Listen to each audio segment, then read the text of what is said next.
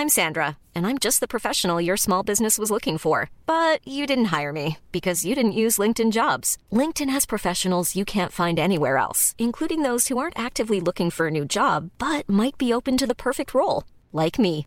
In a given month, over 70% of LinkedIn users don't visit other leading job sites. So if you're not looking on LinkedIn, you'll miss out on great candidates like Sandra. Start hiring professionals like a professional. Post your free job on linkedin.com/people today. Hey Dave, Yeah, Randy. since we founded Bombus, we've always said our socks, underwear and t-shirts are super soft. Any new ideas? Maybe sublimely soft. Or disgustingly cozy? Wait, what? I got it. Bombus. Absurdly comfortable essentials for yourself And for those facing homelessness. because one purchased equals one donated. Wow, did we just write an ad? Yes. Bombas. Big comfort for everyone. Go to bombas.com slash ACAST and use code ACAST for 20% off your first purchase. When you're ready to pop the question, the last thing you want to do is second guess the ring. At Bluenile.com, you can design a one of a kind ring with the ease and convenience of shopping online. Choose your diamond and setting. When you find the one, you'll get it delivered right to your door. Go to Bluenile.com and use promo code LISTEN to get $50 off your purchase of $500 or more. That's code LISTEN at Bluenile.com for $50 off your purchase. Bluenile.com code LISTEN.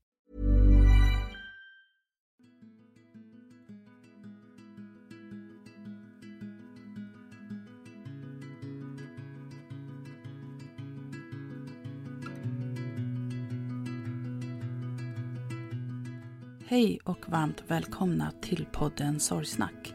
Det här är en podd som berör allt som har med sorg och svåra förluster att göra. När livet inte blev som vi hade tänkt, när något oväntat händer och hela ens liv vänds upp och ner över en dag och när vi tvingas ta farväl av någon vi älskar. Min förhoppning är att genom podden bidra till att hjälpa andra människor, ge stöd, utbilda och sprida kunskap och inte minst inge hopp. Jag som gör podden heter Lia Persson, är journalist i grunden och även certifierad handledare i sorgbearbetning. Idén till podden föddes ett år efter att jag förlorade mitt första barn. Det här var början på mitt nya liv. Livet som nybliven mamma och samtidigt änglamamma.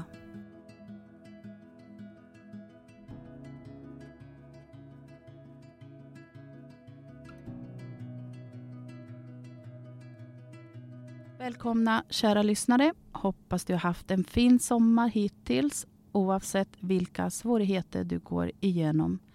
Jag vet ju av eh, erfarenhet att sommaren för med sig en cocktail av känslor. Det är ilska, trötthet, ångest, frustration, rädsla, oro, panik, skuldkänslor och även saknad och så vidare. Men kom ihåg att det är helt okej okay och inte minst fullt normalt. Men om du känner att du vill och behöver prata med någon så glöm inte att du kan även boka tid för samtalsstöd med mig via Boka Direkt. Sök bara på Sorg Consulting och där hittar du mig. Det finns samtalsstöd via telefon, digitalt, alltså via länk och även som fysisk träff. Då säger jag hej och välkommen till podden till dagens gäst Sanna Eriksson. Sanna är mamma till Nova och författare. Hon har skrivit boken Prinsessa av september.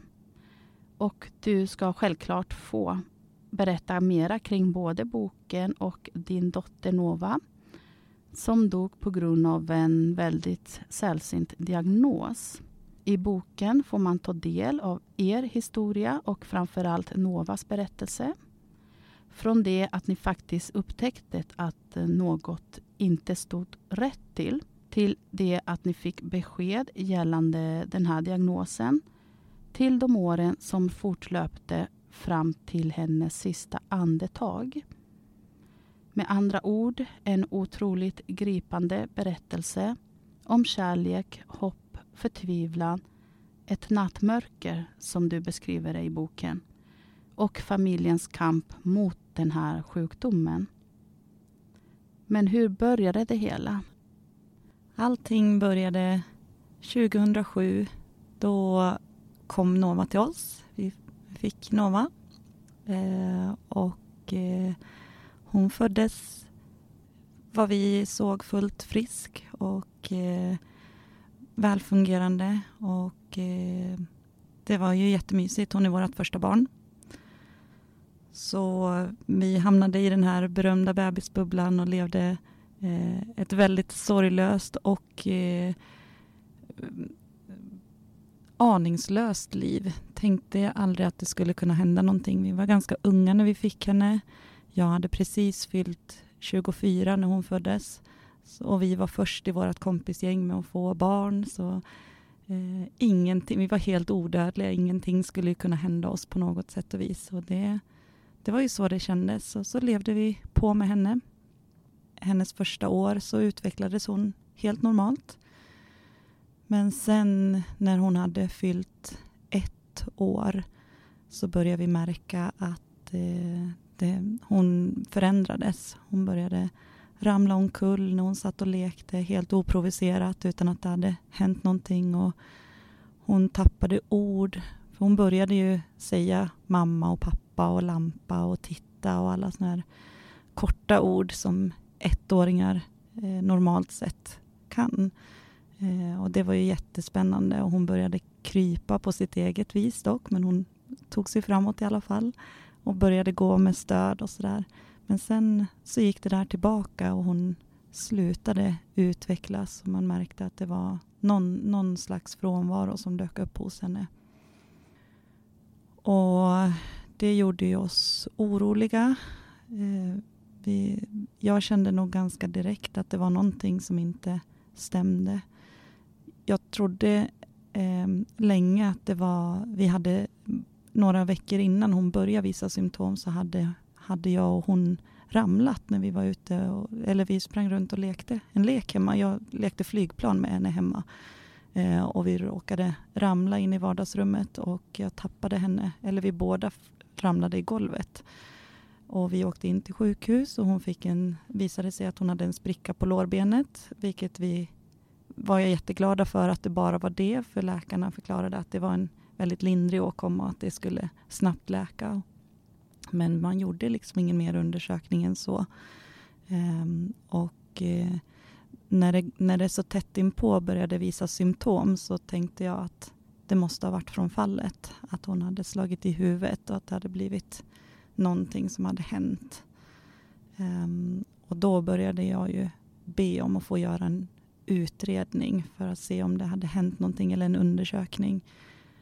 Um, och uh, man, började göra undersökningar på henne och hon fick träffa olika specialister och pedagoger och eh, eh, det visade sig att det var ju inte fallet utan ungefär ett år efter att hon hade börjat utveckla symptom så fick vi då eh, diagnosen att hon hade den här jätte, jätteovanliga sjukdomen som hon är född med. Det är en genetisk sjukdom.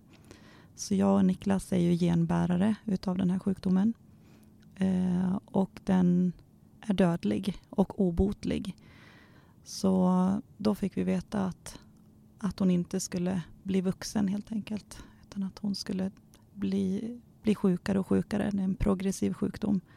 Och att hon sen skulle dö. Um, och eh, då, eh, det var, vi, i början så fick vi ganska få besked. Det är inte, vi har hittills faktiskt inte träffat en enda läkare som någonsin har träffat ett barn med en sån här sjukdom. Så ovanlig är den. Eh, och eh, när vi fick eh, beskedet så, så kunde man inte berätta mer än, än det man kan läsa sig till. Det finns en hemsida, på Socialstyrelsens hemsida finns det en flik för ovanliga diagnoser. Och där går det att läsa lite grann om den här sjukdomen. Eh, men det är ju väldigt överskådligt och det, det är knapphändig information.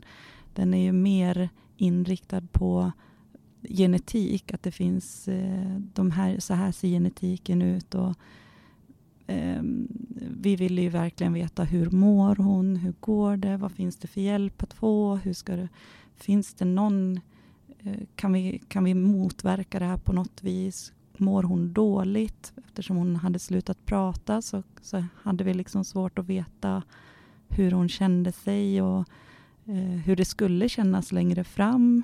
Kommer hon att, att vara ledsen eller kommer hon ha ont? Eh, man ville veta så mycket som man inte fick veta på en gång utan eh, det vi fick veta var ju snarare att, att hon skulle bli sjukare och att man inte trodde att hon skulle fylla tio.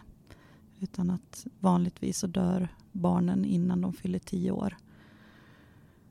Och det blev ju, hela världen blev ju upp och ner när vi fick det beskedet.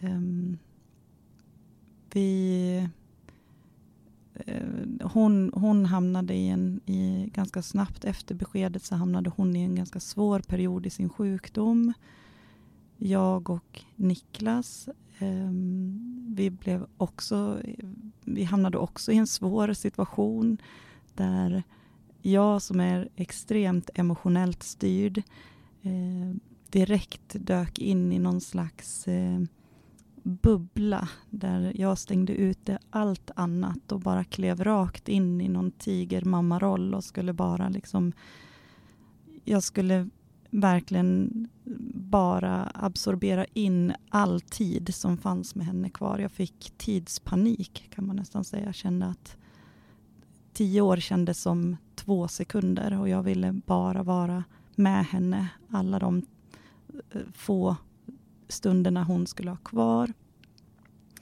Eh, och eh, jag sa upp mig och, och eh, började vara hemma med henne bara. Eh, jag var dessutom gravid när vi fick det här beskedet. Så det var ganska tumultartat där också. Eh, det var svårt att känna någon glädje över den graviditeten. Det blev liksom som att det här barnet som vi väntade då helt plötsligt skulle inkräkta på den tiden som vi skulle ha kvar tillsammans med Nova. Så att Eh, jag kände mig väldigt kluven inför graviditeten. Var, var så långt gången i graviditeten att det inte var ett val att avsluta den på något sätt och vis. Vet jag inte heller om jag hade gjort det men, men, men känslan var så stark att jag bara ville vara med Nova. Eh, och hon eh, mådde väldigt dåligt i sin sjukdom precis just då. Hon kom in i något som heter skrikperioden. Där, man, där barnen bara skriker. Eh, och jag vet inte om jag någonsin har blivit berättad för vad det innebär eller varför man gör, varför de gör det.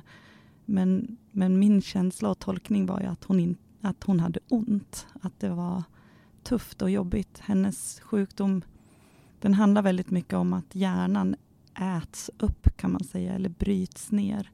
Det är en, en sjukdom som eh, om man ska bildligt förklara det på ett enkelt sätt så har jag förstått det som att eh, på friska människor så, så finns det eh, olika gifter och sånt som åker runt i ryggmärgsvätskan, upp och ner eh, i hjärnan och längs ryggrad, ryggmärgen. Eh, och på oss friska människor så finns det ett filter som kan filtrera bort gifter och sånt så att det inte når till hjärnan. Och det här filtret finns inte på de här barnen. Utan alla gifter och sånt kommer in i, i hjärnbalken och bryter ner hjärnan. Därav så, så utvecklas man ju normalt initialt för då får allting plats inne i huvudet men sen så äter ju då gifterna upp hjärnan kan man säga. Om man, om, ja, det är så jag har tolkat det. Och eh, min känsla var ju att hon kunde känna det här fysiskt. Att hon eh, kände att någonting åt upp henne inifrån och att hon fick panik. En slags eh, dödsångest känns det nästan som. Jag skulle kunna beskriva det som. Hon ville bara fly från sin kropp. Hon vred sig och, och, slingrade sig som att hon ville liksom ut ur... Ni vet när man försöker klä på ett barn en overall och, och barnet inte vill kliva i overallen. Eh, de slingrar sig på alla sätt och vis. Och men den här overallen var ju hennes kropp. Liksom, så att hon kom inte ur den eh, och skrek helt hysteriskt. Och eh, det var ju dygnet runt och det var en jätte, jätte, jättetuff tid. Kanske den värsta tiden i hela mitt liv.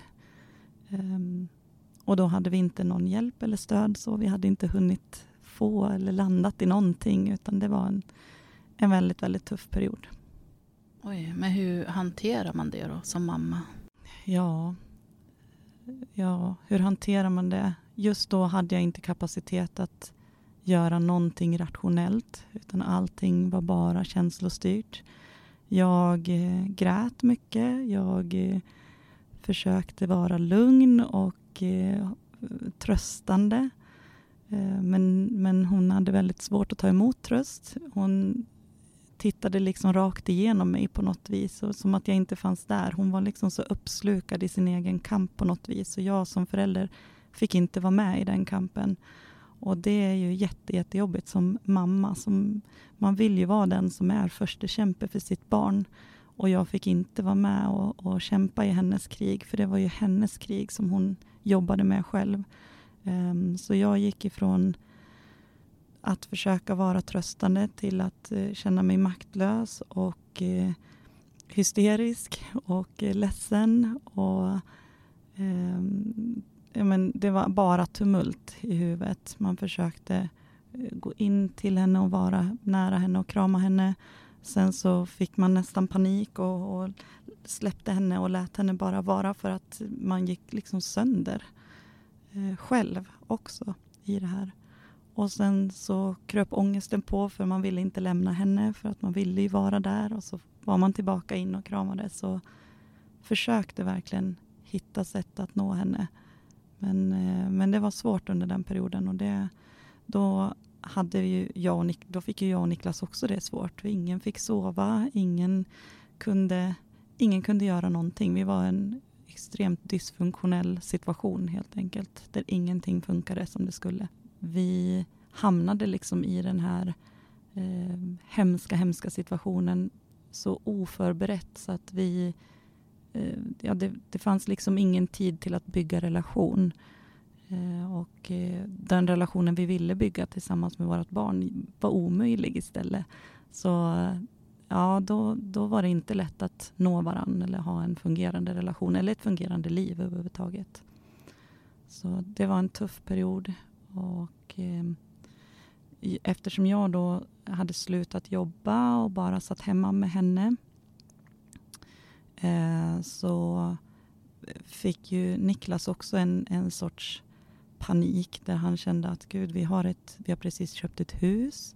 Vi har eh, ett barn till på väg.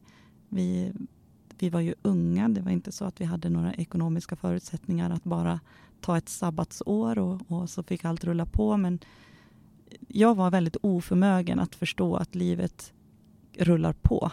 Jag dök rakt ner i känslan och han, han eh, tvärtom kände nog paniken över att hur ska det här gå? Får vi inte, kan vi inte upprätthålla eh, vår ekonomiska situation? Kan vi inte bo kvar i huset eller eh, ja, men, vara fungerande rent praktiskt? Då kommer allt att rasa. Så han, eh, han tvingades väl till att jobba extra hårt på jobbet och det skapade också en klyfta mellan oss. att jag kunde inte se att, att det var ett sunt beteende. Tyckte att han försvann ut eh, från vårt liv mer än vad jag hade önskat. Jag hade ju i mitt väldigt sorgsna sinne så, så ville jag nog inte vara själv där. Jag ville att han också skulle vara bedrövad. Och han var ju det såklart. Men, eh, men han kämpade på för att vi skulle kunna hålla ihop rent praktiskt. Så det var svåra år. Jag, jag hamnade djupt ner i, i jag, nu är det självdiagnostiserat men jag, jag, skulle säga att det var en depression som jag hamnade i. Jag väldigt, väldigt mörkt var det. Eh, och så fick vi ju då vårt andra barn till eh, i det här också. Och, eh, Hur var det? För hon kom när, hur gammal var Nova då när Therese föddes? Nova var två och ett halvt. Mm. En vanlig två och en halv år kräver ju mycket också. Så jag kan tänka mig att det blir alltså dubbelt. Och så får man en till liten på det. Ja, det var, Nova krävde ju mycket då. Um, och uh, jag var dessutom inte heller så stark som person. Eller hade väl inte så mycket krafter över, så kan man säga. Och eh, en liten bebis kräver ju sitt. Och, eh, men det var jättetufft. Men det var också kluvet. Jag vill också tillägga att det var samtidigt som det var rent praktiskt var det väldigt, väldigt tufft och emotionellt också. Men så var ju när man får ett barn så ett syskon, och det här tror jag går för även friska familjer, att man tänker sig att man har ett barn som man älskar. Man inser att jag har aldrig älskat något eller någon så mycket som jag älskar mitt barn. Det blir väldigt uppenbart när man får sitt första barn. Man tror någonstans, i alla fall min upplevelse är sån att man tänker sig att man vet vad kärlek är och man älskar sin familj och man älskar sin partner och så vidare. Och så får man barn och så är det liksom 20 gånger till eller 100 gånger till eller 1000 gånger till starkare kärlek. Eh, och då när man väntar ett syskon så är det ganska svårt att tro att man ska kunna tycka om någon lika mycket som man tycker om eh, sitt första barn. Och i vårt fall så var det ju verkligen så att jag hade en känsla av att jag inte, det går inte. Jag kan inte ta emot ett till barn. Det funkar inte för att jag har för lite tid med mitt, mitt riktiga barn, mitt första barn.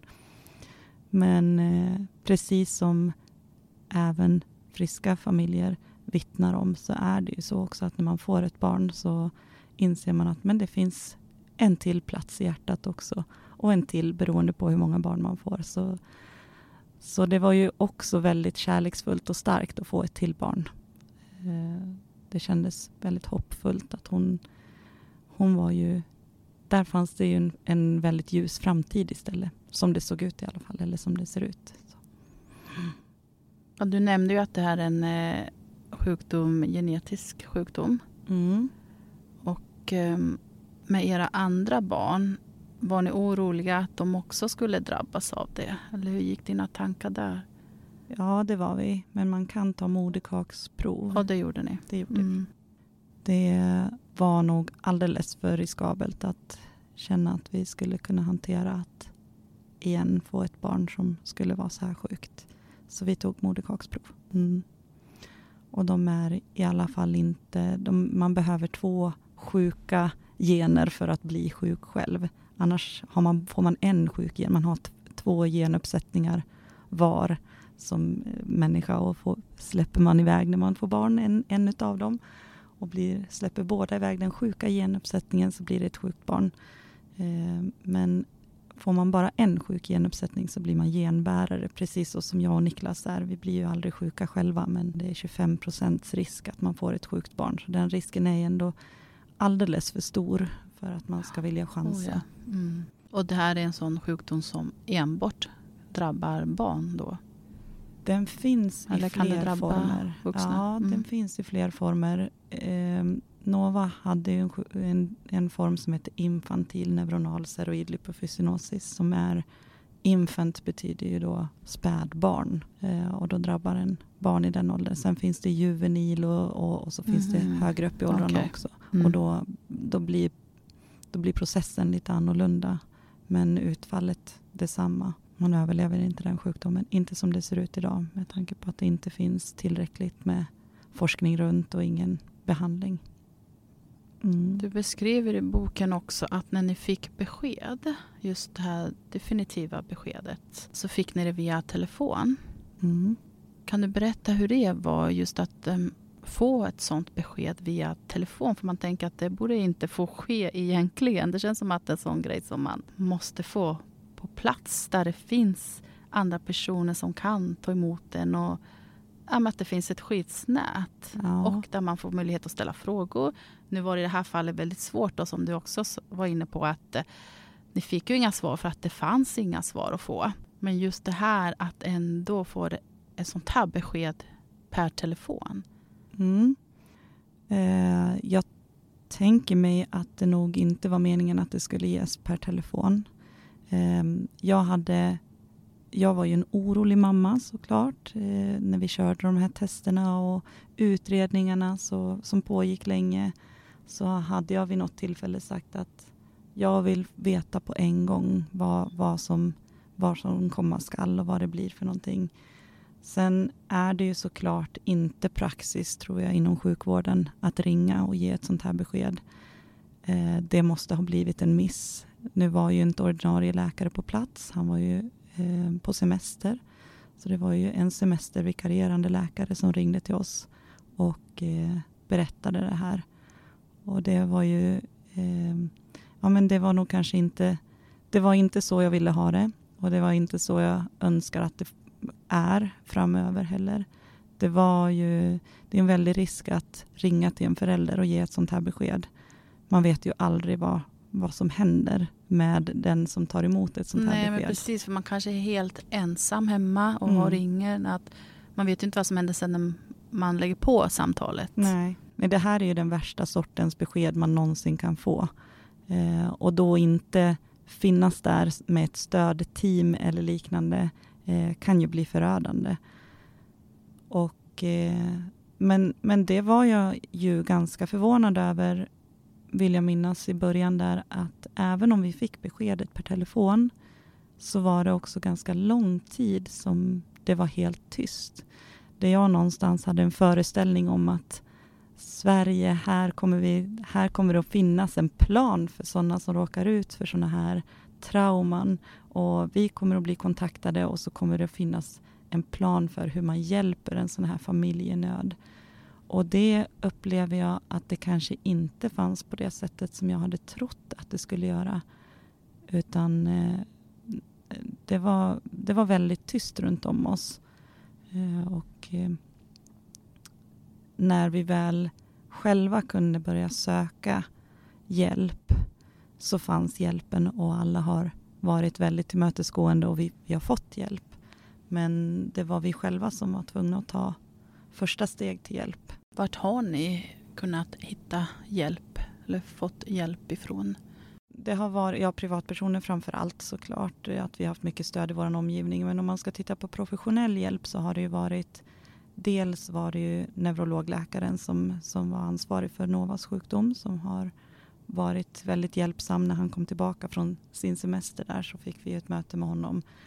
Eh, men eh, sen har vi också haft hjälp ifrån med regionen, lokal sjuk, eh, sjukgymnaster och arbetsterapeuter och eh, sen kontaktade vi även assistansbolag och eh, fick hjälp med personlig assistans efter en tid också. Det har varit väldigt hjälpsamt. A lot can happen in the next three years. Like a chatbot may be your new best friend. But what won't change? Needing health insurance. United Healthcare Tri Term Medical Plans are available for these changing times. Underwritten by Golden Rule Insurance Company, they offer budget friendly, flexible coverage for people who are in between jobs or missed open enrollment. The plans last nearly three years in some states, with access to a nationwide network of doctors and hospitals. So, for whatever tomorrow brings, United Healthcare Tri Term Medical Plans may be for you. Learn more at uh1.com. Many of us have those stubborn pounds that seem impossible to lose, no matter how good we eat or how hard we work out. My solution is PlushCare. PlushCare is a leading telehealth provider with doctors who are there for you day and night to partner with you in your weight loss journey. They can prescribe FDA-approved weight loss medications like Wagovi and Zepbound for those who qualify. Plus, they accept most insurance plans. To get started, visit plushcare.com slash weight loss. That's plushcare.com slash weight loss. Eh, nu har vi pratat om det absolut mörkaste och den första tiden som var fruktansvärd. Eh, och eh, Hur fortlöpte sen kommande år som ändå blev totalt 14 och ett halvt år gammal blev hon. Mm, det blev hon. Eh, ja, det, vi hamnade ju i det här väldigt, väldigt mörka och eh, jag fastnade ganska hårt där. Men eh, ehm, stegvis skulle jag säga att vi hittade, eller att jag hittade ett annat sätt att, att eh, hantera våran situation. Och jag tror ehm, jag beskriver i boken vid ett tillfälle när jag åkte på en resa. Det var Niklas som, som gav på förslag att vi behövde åka bort en varsin stund. Vi skulle åka en vecka vardera någonstans. Bara för att få distans till vårat liv, vilket eh, var väldigt nödvändigt just då. Vi, jag var framförallt väldigt nere och tänkte väldigt mycket mörka tankar om, om döden och att det inte alls kändes så, så långt bort och kändes inte så främmande och obehagligt att möta döden eller, eller att Nova skulle göra det för den delen heller. Och det var ju det var hemskt att, att känna och tänka så. Eh, så att jag behövde nog verkligen bara få komma ifrån. Och, och då åkte jag iväg på en resa, åkte utomlands tillsammans med en kompis som ehm, eh, där vi liksom upplevde, på den här resan så, är, så upplevde vi en helt, plötsligt fick jag se en helt annan värld som egentligen är den vanliga verkligheten. Men vi var så otroligt distanserade, framförallt jag hade varit det i ett par år. Suttit instängd i min egna lilla mörka, mörka, mörka bubbla. Eh, och bara tappat kontakten med verkligheten och tappat kontakten med alla andra känslor än, än ångest och sorg och skam och rädsla och ångest igen och så, så vidare. Allt det här malde liksom bara runt och det fanns ingen annan känsla i, i min kropp. Men eh, när jag åkte iväg på den här resan så var det ju ingen annan som kände någon sån känsla, i alla fall inte som jag såg eller som visades, utan det var ju vi var utomlands och alla var glada och det var eh, bra stämning och folk försökte passa upp. Vi blev uppassade, vilket också var väldigt ovant för mig eh, eftersom jag då hade haft två små barn som krävde väldigt mycket att jag skulle finnas tillgänglig och så vidare. Vilket på något vis skapade li en liten lucka av, av andrum där jag kunde se att men gud, det är så här folk lever och det är så här man kan leva och det är här någonstans kände hur, hur det kom energi eller kraft tillbaka in. Eh, och det var ju det jag hela tiden hade längtat efter. För från början så var jag ganska stark och kände mig Mm, men jag, som jag sa, jag klev in som tigermamman där i hennes sjukdom och kände så här, jag ska minsann ta tag i. Men med, med tiden så dränerade sjukdomen och, och framtiden och eh, all, hela min situation dränerade hela mig också. Så att till slut så fanns det ingenting kvar av mig. Och jag försökte på alla sätt att hitta styrka och kunde inte göra det. Det finns liksom ingen styrka i sorg eller ångest eller eh, hemska känslor utan man behöver hitta den någon annanstans. Eh, och jag behövde hitta andra känslor och det gjorde jag lite grann på den här resan och insåg att det är här man ska hitta styrka. Man behöver hitta styrka i någon slags glädje. Man måste släppa in ljus i livet också. Eh, så där började väl egentligen tankarna att förändras lite. Att jag insåg att då kan jag ju faktiskt också orka med att vara en god mamma och en glad mamma.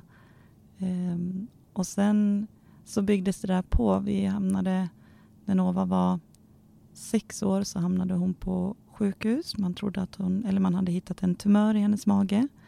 Och eh, vi fick besked att hon hade förmodligen cancer. En cancerform som heter neuroblastom, vilket är en väldigt aggressiv cancerform. Och eh, vi skulle få åka ner till Uppsala och göra en biopsi. Men läkaren berättade att vi kommer inte kunna behandla henne i och med att hon är så sjuk i sin grundsjukdom. Och eh, jag läste såklart på om den här sjukdomen och insåg att hon kommer att dö. Och det kommer att gå ganska fort eh, för att det här är en aggressiv cancerform.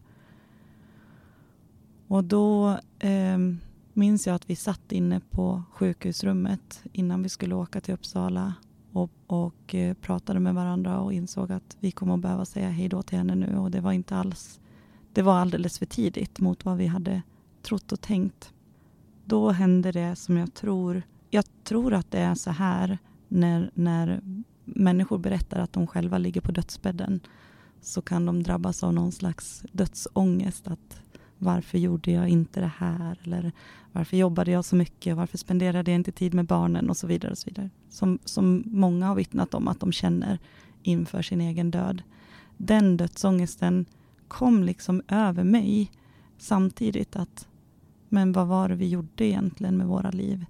Varför satt jag där så himla ohjälpsamt att, eh, mot både mig och Nova att sitta hemma och eh, gräva ner mig i det som ska komma. Och jag, jag vet att det finns en, en, eh, ett uttryck som heter väntesorg. Det är, eh, jag satt faktiskt och tänkte på det nu på tåget på vägen hit. att Det är ett väldigt talande ord. Jag tycker att det är väldigt fint och sätter, sätter verkligen ord på en känsla som är sann. Det finns otroligt mycket sorg och det finns också en väntan. Det, det kommer ju att komma ännu mer sorg för att man vet att barnet i fråga ska dö. Men där så tror jag att min väntesorg någonstans övergick till jag försökte sätta ord på det och jag, det jag kunde hitta var ett låneliv. För jag tror att vi gick ifrån att vara i sorg och vänta på sorg till att du vet när man till exempel lånar en klänning en kväll. Då går man ju inte och tänker, fan nu ska jag snart lämna tillbaka den här. Utan då bara embracear man den här klänningen och har det så bra i den hela kvällen och tycker, kolla vilken fin klänning, vad bra jag har det. Man går ju inte och väntar på att man ska lämna tillbaka den. Utan man njuter av det man har lånat. Då känns det som att vi övergick från väntesorg, även om det fanns kvar och fanns tydligt med i våra liv såklart. Men vi gick över till det som kändes som ett låneliv. Och vi visste att tiden var utmätt, att vi skulle lämna tillbaka henne till himlen. Men, eh, men vi kunde verkligen hitta sätt att njuta av den tiden vi hade. Och det, det försöker jag beskriva i boken. Eh, hur man kan hitta sådana känslor, eller hur jag hittade de här känslorna och vad, vilka situationer där man kanske kan känna att det blir tungt men att man kan hitta tankar att se någonting ljust i det. Så det är ju egentligen syftet med hela boken också, för det var det som hände där i vårt liv, att vi någonstans gick från mörker till att vi faktiskt kunde få ett helt fantastiskt liv tillsammans med henne, trots att vi visste att hon blev sjukare och sjukare, trots att vi visste att hon skulle dö, så hamnade vi ändå i någonting som jag kan känna i efterhand att jag är så glad att vi hittade den här glädjen och att vi hade det så himla, himla bra tillsammans. Och det är klart, jag saknar ju det jätte, jättemycket. Men jag är väldigt, väldigt nöjd över att vi, att vi gjorde det så bra med henne som det gick. Och det tänker jag mig är mycket för att vi hittade ut från det mörka in i det ljusa. Att jag kan vara stolt över det livet vi gav henne. Ja men verkligen. Jag tänker så här att det ändå det är ju fint att kunna hitta de här olika sätt som fungerar för en. Men också just det här att kunna känna när väl döden har inträffat att vi gjorde faktiskt vårt bästa. Och vi gav henne allt och hon fick det bästa livet hon kunde få. Mm. På alla sätt och vis. Mm. Att ändå kunna känna sig nöjd över det. Det måste ändå vara en väldigt härlig känsla tänker jag. Det är det verkligen. För att ni gjorde allt ni kunde. Vi gjorde allt vi kunde och det tror jag att alla föräldrar gör. Absolut. Eh, och också det att, man, att jag har förstått att det är väldigt, väldigt viktigt att jag eller du som lyssnar, om du är förälder, att det viktigaste kommer ändå vara att se till att man själv mår bra. För då kan man göra det allra, allra bästa jobbet. Och det tror jag är lite tabu eh, och lite svårt att eh, känna att man ska prioritera upp sig själv som är den viktigaste personen i ens liv. Och det kan låta klyschigt men det är verkligen så sant att när man prioriterar upp sig själv och låter sig själv må bra, man låter sig själv vara i alla känslor och man börjar bli lite mer snäll mot sig själv. Men man gör så gott man kan och försöker man se till att man själv kan må bra under tiden så kommer man göra ett betydligt mycket bättre jobb och ha mer energi och mer kraft att ge till någon annan. Det tror jag är den viktigaste insikten. Och det tror jag är jätteviktigt för folk som, som är i sorg att höra att det inte är fult att prioritera upp sig själv. Det tror jag är en typisk mm. tabu. Att mm. man känner att man måste se, sätta sig själv i andra hand och ja. bara, bara de mår bra och man ger mm. för mycket av sig själv. Men man har inte den kraften om man inte kan ge den till sig själv först. Nej det finns ju en anledning till att när man är ute och flyger när man går igenom säkerhetsinstruktionerna där i händelse av att något skulle hända. Att man först och främst ska ta på sig den här masken på sig själv och sen sina barn. Ja. Och det är samma sak där. Om inte jag är fullmedveten så kan inte jag heller hjälpa mitt barn. Då har den ingen chans. Så jag, för att vi båda två ska klara oss så måste jag sätta mig först. En klockren illustration, för det är verkligen precis så blir det ju i livet också. Att slukas man för mycket av någonting som har drabbat sitt barn eller någon som är utanför sin egen kropp eh, så tappar man lite medvetandet. Man blir för uppäten i det så att man glömmer bort att kanske äta, dricka alla de här hygienfaktorerna. Man måste äta, dricka, sova och sen måste man skratta ibland. Och man måste få, få vara den man är. Och sen är man också ledsen. Och så är man också eh, förälder och så är man i bedrövelse och man har alla de här mörka känslorna också.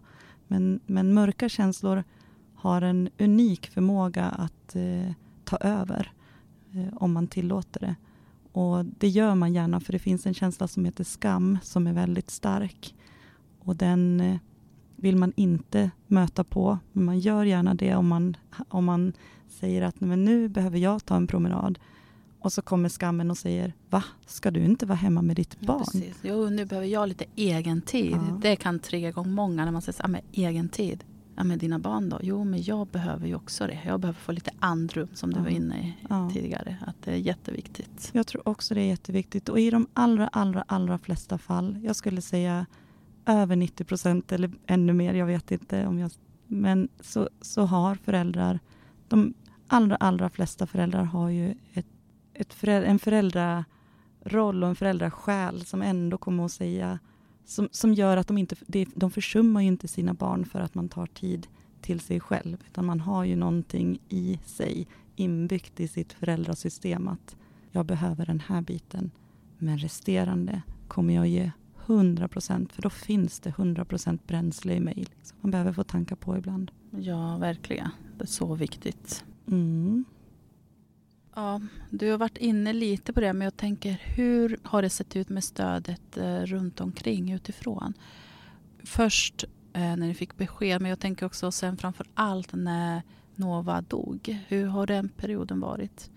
Ja, efter att hon dog. Eh, hon vi, hade ju, vi har haft väldigt mycket stöd runt om oss, framför allt från Novas assistenter.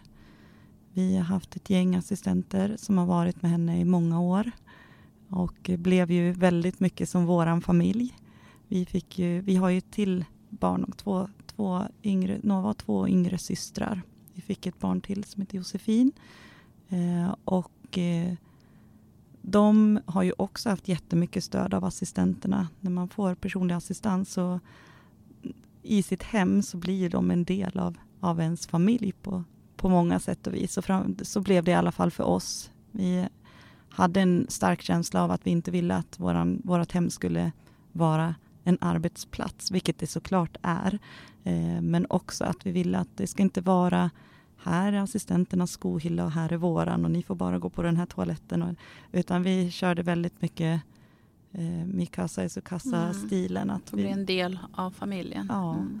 Vilket gjorde att ibland när Nova låg och vila så spelade de spel med, med våra yngre barn. Eh, och eh, ibland kunde vi bytas av så att nej men, nu, nu vill jag ta Nova en sväng som förälder. Att jag, även om det var arbetstid för assistenterna så kände jag att nej men, jag skulle vilja, jag och Nova ska gå och bada liksom, så kunde de göra någonting annat under tiden.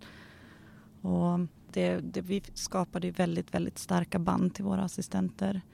Eh, så de, de fanns ju där och det, de, är också, de var ju så otroligt betydelsefulla i våra liv och de kände också till Nova så otroligt väl även om man har många nära vänner så var det ju ingen som kände Nova så väl som vi och hennes assistenter. Och eh, vi har ju haft mycket stöd i varandra och delat den här sorgen och glädjen över att hon fanns också. Så att vi, har, vi träffas ju fortfarande regelbundet både på årsdag och, och eh, födelsedag och ja, lite spontant också eh, tillsammans. Så de skulle jag säga är ett av de största stöden som vi har haft. Att vi har stöd i varandra. Eh, och sen har vi ju våra egna familjer såklart. Har ju varit väldigt stöttande och närvarande. Framförallt Niklas föräldrar har ju varit, de bor så nära oss att de har varit väldigt nära rent fysiskt också. Niklas pappa jobbade ju också som assistent hos Novas. Han sa upp sig för att kunna vara från sitt vanliga ordinarie jobb för att kunna vara nära oss i familjen. Så att de har varit ett jätte, jättefint stöd också. Och våra vänner såklart.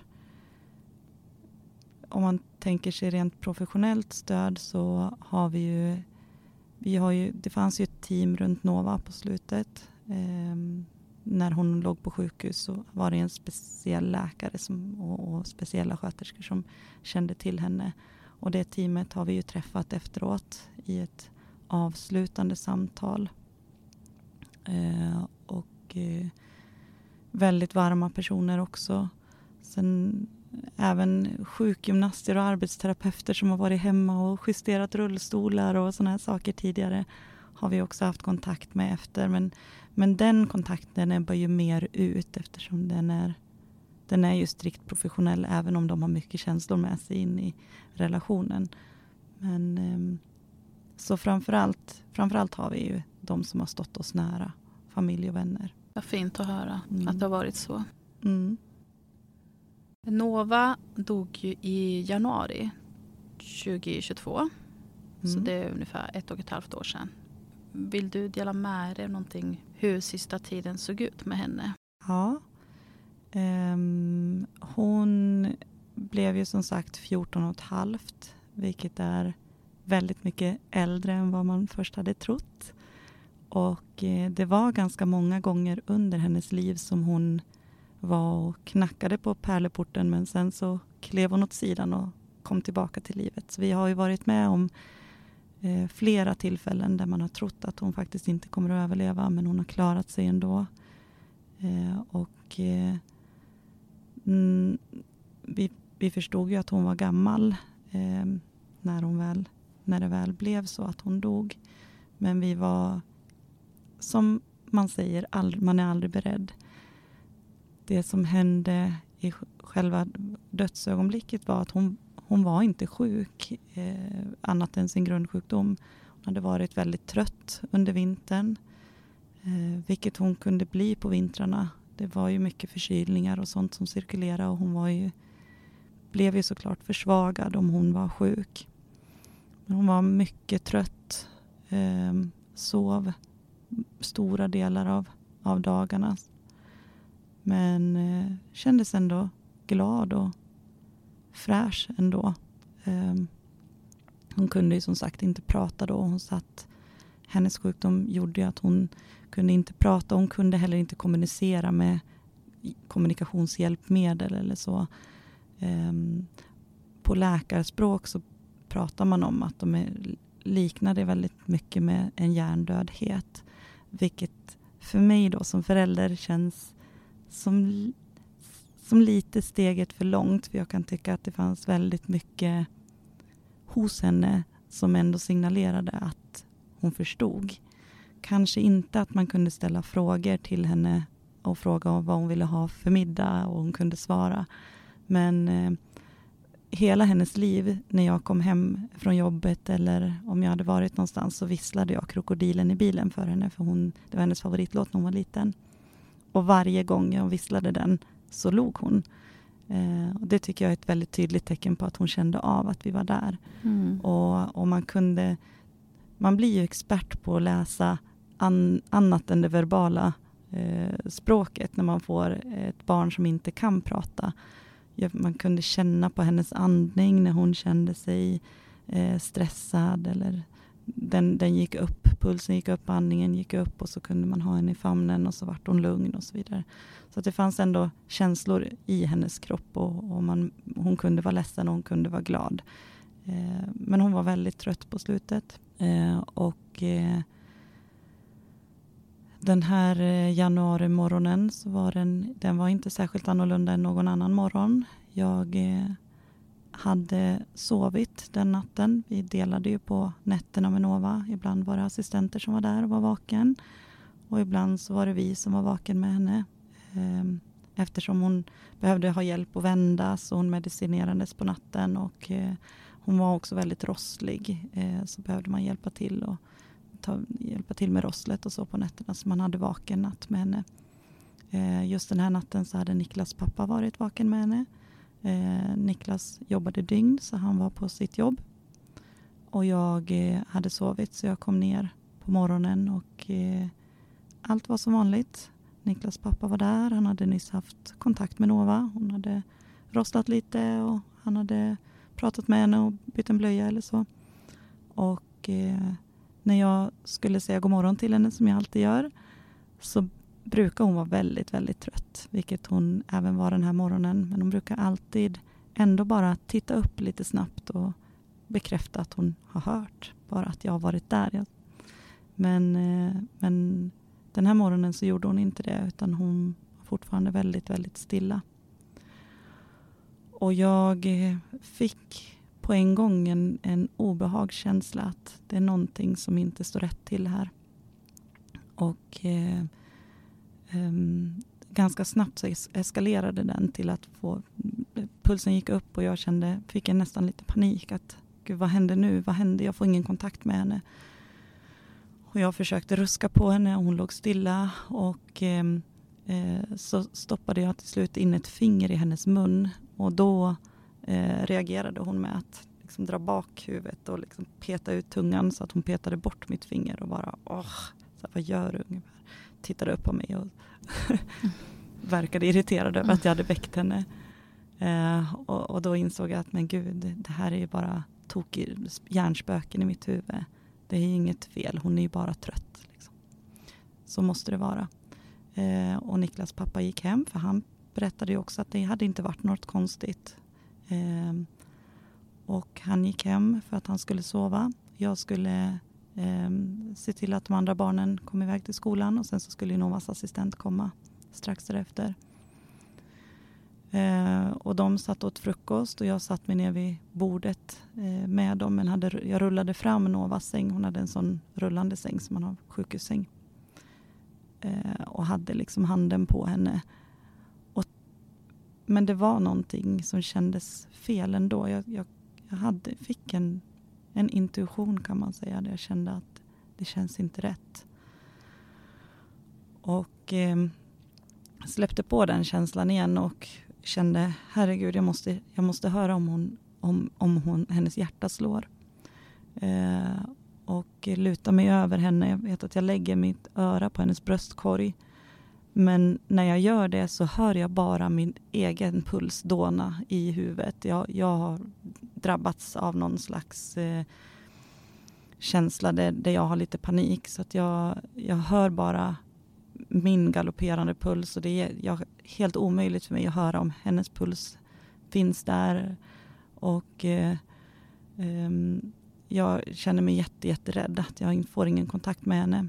Och eh, tittar upp på mina barn, eh, mina andra barn som sitter vid matbordet och tittar på mig. Och eh, ehm, då säger jag till dem att ni vet ju att Nova kommer att dö. Och det kanske händer nu. Och eh, det här det är så konstigt för att på något vis så är jag ju väldigt medveten om att det är det som sker. Eh, samtidigt som när jag säger det här till mina barn så, så blir jag också rädd. Det, det, det, det är jättesvårt att förklara men det känns som att jag och det är någon som berättar det för mig att det, det kanske blir så här nu. Jag blir rädd och ledsen eh, och eh, mina barn går upp på övervåningen. Eh, de tycker nog att det blir ganska obehagligt. Och då ringer jag till Niklas och säger att jag får ingen kontakt med Nova. Jag vet inte vad jag ska göra. Och han säger du måste ringa 112. Jag kommer hem nu. Ehm, så jag ringer 112 och ehm, ropar till sköterskan som jag får kontakt med där att jag får, inget kontakt, jag får ingen kontakt med mitt barn. Ehm, och hon ber mig att lyfta ner henne på golvet för att göra hjärt och lungräddning. Och jag eh, tar, lyfter ner henne på golvet. Jag lägger hennes täcke på golvet och lyfter ner henne där och börjar göra hjärt och lungräddning på henne. Och, och hon hade ganska mycket spasmer och var ganska stel i sin kropp i övrigt. Så mycket muskelspänningar och så. Men, men när hon ligger på golvet så inser jag att hon, hon är alldeles slapp i kroppen. Att jag, inte, att jag inte får igång henne. Och då inser jag att jag kommer inte få igång henne. Hon kommer att dö nu. Um, och uh, jag tar upp henne i min famn uh, och ja, då, är, då dör hon ju när hon ligger där i min famn. Eller om hon, eller om hon gjorde det precis innan, jag vet inte riktigt. Men hon var väldigt stilla och uh, jag kände att det går inte. Jag får, inget, jag får, ingen, får inte igång henne igen. Mm. Och du kom... var ensam också det här tillfället? Ja, jag var mm. själv. Um, men ambulansen kommer ju precis därefter. Eh, och när de kommer in så inser de ju också att, att hon är död. Eh,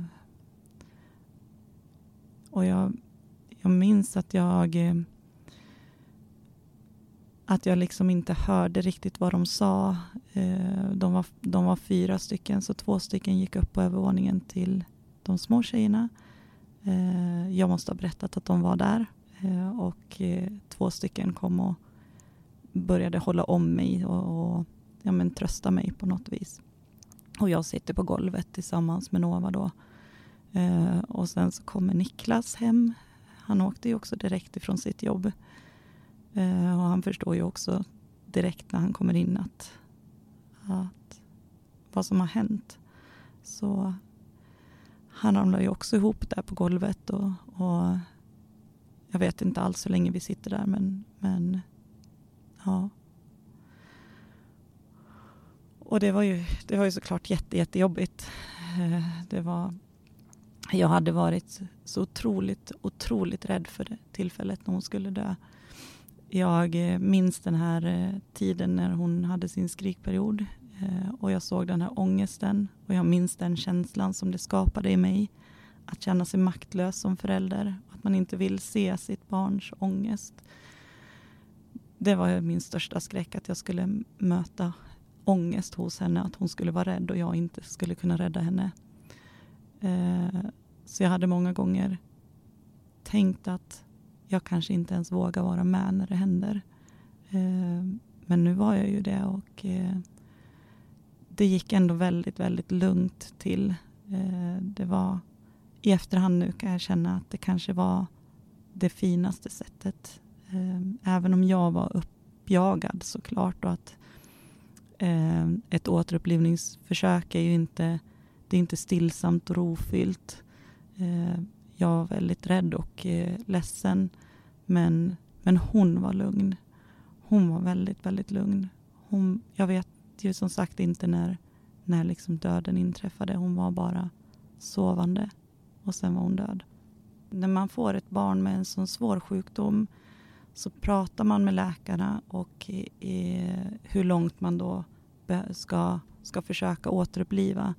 Och eh, i Novas fall eh, så hade vi kommit överens med läkarna om att hon inte skulle läggas i respirator till exempel. För det skulle hon inte överleva utan det var eh, och eh, vid, i, vid händelse av dödsfall så skulle man inte försöka återuppliva.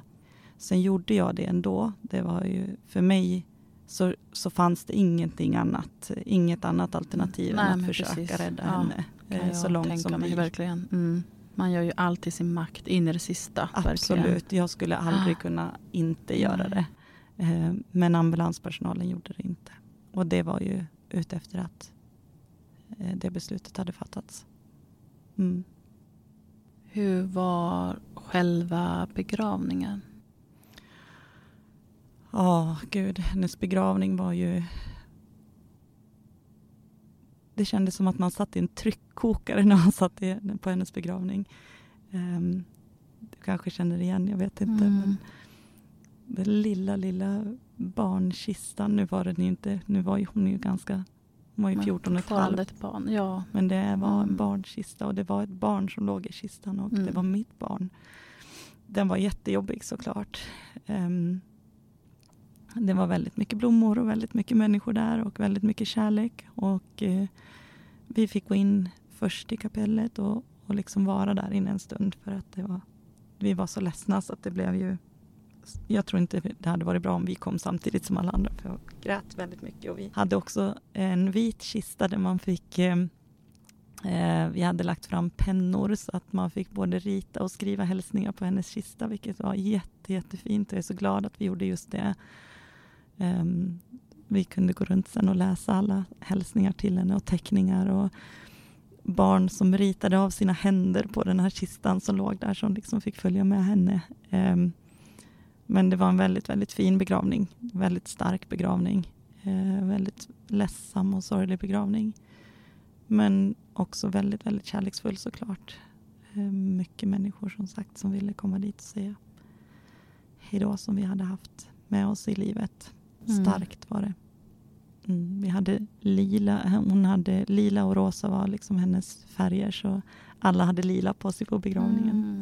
Också... Därav bokomslaget också. Ja, precis. Lite de här nyanserna. Ja, ja det är ju hennes färger. Ja. ja, en känslofylld begravning. Hela, hela hon har liksom gjort att man har blivit en väldigt känslofylld person. Även om jag var känslostyrd innan mm. så är jag nog väldigt känslofylld nu. och har många, många känslor. Lätt till gråt och lätt till skratt också. Lätt till alla typer av känslor. Vi valde att eh, Nova har kremerats. Eh, jag vet inte om det är vanligt eller ovanligt men vi tyckte att kyrkogården var liksom inte hennes plats att vara på. Utan vi ville att hon skulle spridas för vinden och finnas eh, finnas i allt som vinden rör vid. Så att mm. jag tänker mig att hon finns överallt där jag är. Ja, och nu har du gett ut den här boken då, som mm. vi har pratat lite kring också.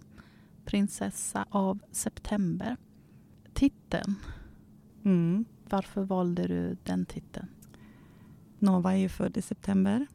Eh, och eh, för några år sedan så var det en väninna till mig som berättade om att det fanns en låt som Peter Lemark har gjort som heter Älskad från första stund. Eh, och hon berättade att hennes mamma brukar spela den för henne för att hon hade en svår tonårstid. Och så lyssnade jag på låten och när jag hörde den låten så kände jag att det här är verkligen Novas låt. Eh, och så stal jag den till, till våran. Eh, där sjunger Peter Lemark då att eh, alldeles nyss prinsessa av september så bar jag dig i min famn och sen så den oh, handlar fint. säkert om, om en, en någon en, det är en förälder som sjunger något till ett barn. Mm. Barnet verkar stänga ute föräldern och, och refrängen går lite om det ändå hade räckt med bara min kärlek till dig. Och jag kände verkligen att om det ändå hade räckt med bara min det kärlek till Nova så hade det... Ja. ja, då hade, då hade hon levt i tusen år, minst. Mm. Eh, men nu räcker det inte med kärlek. Utan nu får man ta den tiden man får. Ja, verkligen. Mm. Mm. Så det är en fantastiskt fin låt. Så där kommer den ifrån. Så, hon var ju en Väldigt riktig passande. krigarprinsessa. Liksom, mm. Så att det, det känns väldigt rätt. Mm, jag förstår det. Ja, men lite kort så här, hur ser du på livet nu? Och hur ser ditt liv ut ja, just nu? hur ser mitt liv ut? Vi, när Nova dog så när, när någon som när man lever så tätt tillsammans. Eh, hon var ju en väldigt, väldigt, väldigt stor del av vårt liv. Eh, hon bod, hon levde ju i vårt vardagsrum, i vårt husets lilla hjärta, så hon var ju överallt där vi var. Och, eh, hennes närvaro var så stark, både genom att hon behövde också så mycket omvårdnad och omtanke och man behövde titta på henne hela tiden för att ja, men, kunna vårda henne på rätt sätt. Och hon hade mycket maskiner som pep och lät och eh, assistenter som tjattrade hela dagarna. Så när hon dog så blev det en väldigt tydlig skillnad i vårt liv. Det blev oerhört tomt. Hela huset bara det var som att någon hade dragit ut kontakten och att eh, allt bara som att det blev strömlöst eller som att man hade varit med om en explosion och du vet, det blir bara tyst runt om. Och eh, man kan liksom inte förstå hur vansinnigt plågande en tystnad kan vara. Det är som att tystnaden bara skriker i öronen att här är jag, det, det finns ingen här. Um, livet rullade ju på. Vi var hemma några veckor men sen beslutade vi oss vis av erfarenhet att man måste försöka hitta tillbaka till livet. Jag visste, jag visste framförallt att ham, låser jag in mig så har jag jättelätt för att liksom hamna i den här mörka känslan igen. Så att ut och, och fortsätt med livet. Um, men, men även om man går tillbaka till jobb och, och liv så, så är det inte så att livet ser likadant ut. Utan vi kände ju fortfarande att det var, ska vi bara rulla på så här? Ska vi bara fortsätta? Det blir svårt att fortsätta i samma spår när det fattas något sånt så, så stort. Så um, på våren, i april, maj förra året, några månader efter att hon hade dött, så sa jag, Niklas har alltid haft en dröm om att skaffa lägenhet utomlands. Eh, och då sa jag till honom att då, då tycker jag att vi provar och åker utomlands en längre stund, för det har ju vi inte gjort. Vi har inte kunnat resa på det viset. Um, och sen så bestämde vi oss för att vi kanske borde göra det och uh, av olika skäl så fick vi liksom inte några jättebra luckor men vi, vi hittade en lucka mellan januari och mars och bestämde oss för att vi skulle åka till Thailand i två månader. Så det gjorde vi.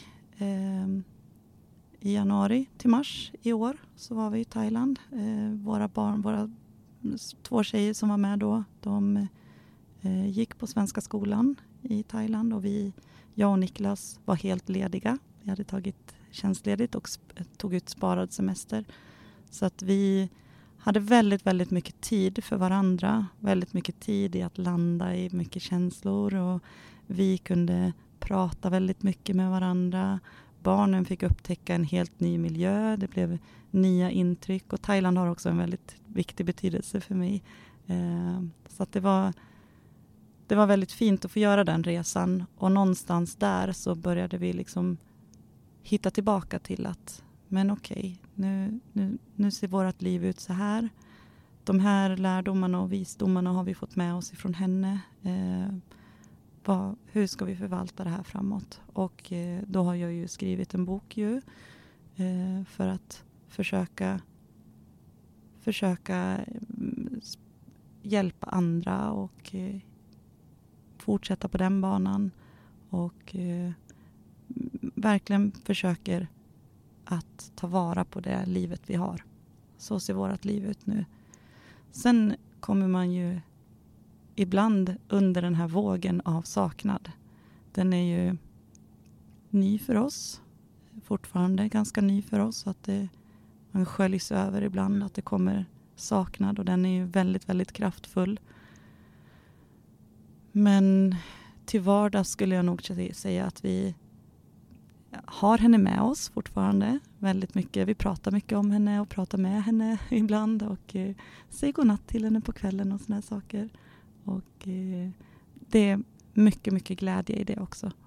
Vi är väldigt glada över att vi har haft henne och eh, man kommer på nya saker hela tiden som hon har bidragit till att skapa i våra liv. Så, att, så just nu känns det som att vi lever i ett liv där vi eh, fungerar väl och eh, mår bra och eh, känner en enorm tacksamhet över att vi fick chansen att lära känna henne och att vi fick ha ett låneliv mm. som kanske blir det nya uttrycket. Ja, ett låneliv med väntesorg. Och nu har vi ett efterliv med, med massa livserfarenhet och klokheter som vi försöker sprida till andra. Precis som du. Vad fint. Mm. Mm. Och med det sagt så tack så jättemycket för att du ville komma hit och dela med dig.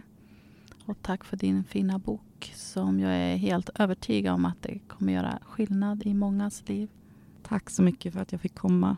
Du gör ett viktigt jobb. Tack. Och tack till er som har lyssnat. Och eh, jag hoppas att ni är med mig nästa vecka också.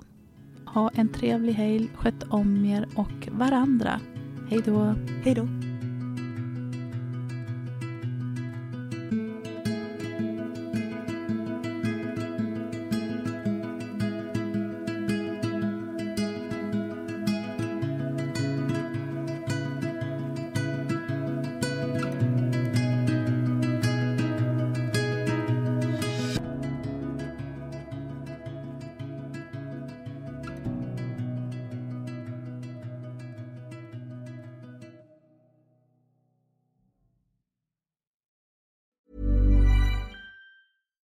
Deserves the best, and there's no better place to shop for Mother's Day than Whole Foods Market. They're your destination for unbeatable savings, from premium gifts to show-stopping flowers and irresistible desserts. Start by saving 33% with Prime on all body care and candles. Then get a 15-stem bunch of tulips for just $9.99 each with Prime. Round out Mom's menu with festive rosé, irresistible berry chantilly cake, and more special treats. Come celebrate Mother's Day at Whole Foods Market.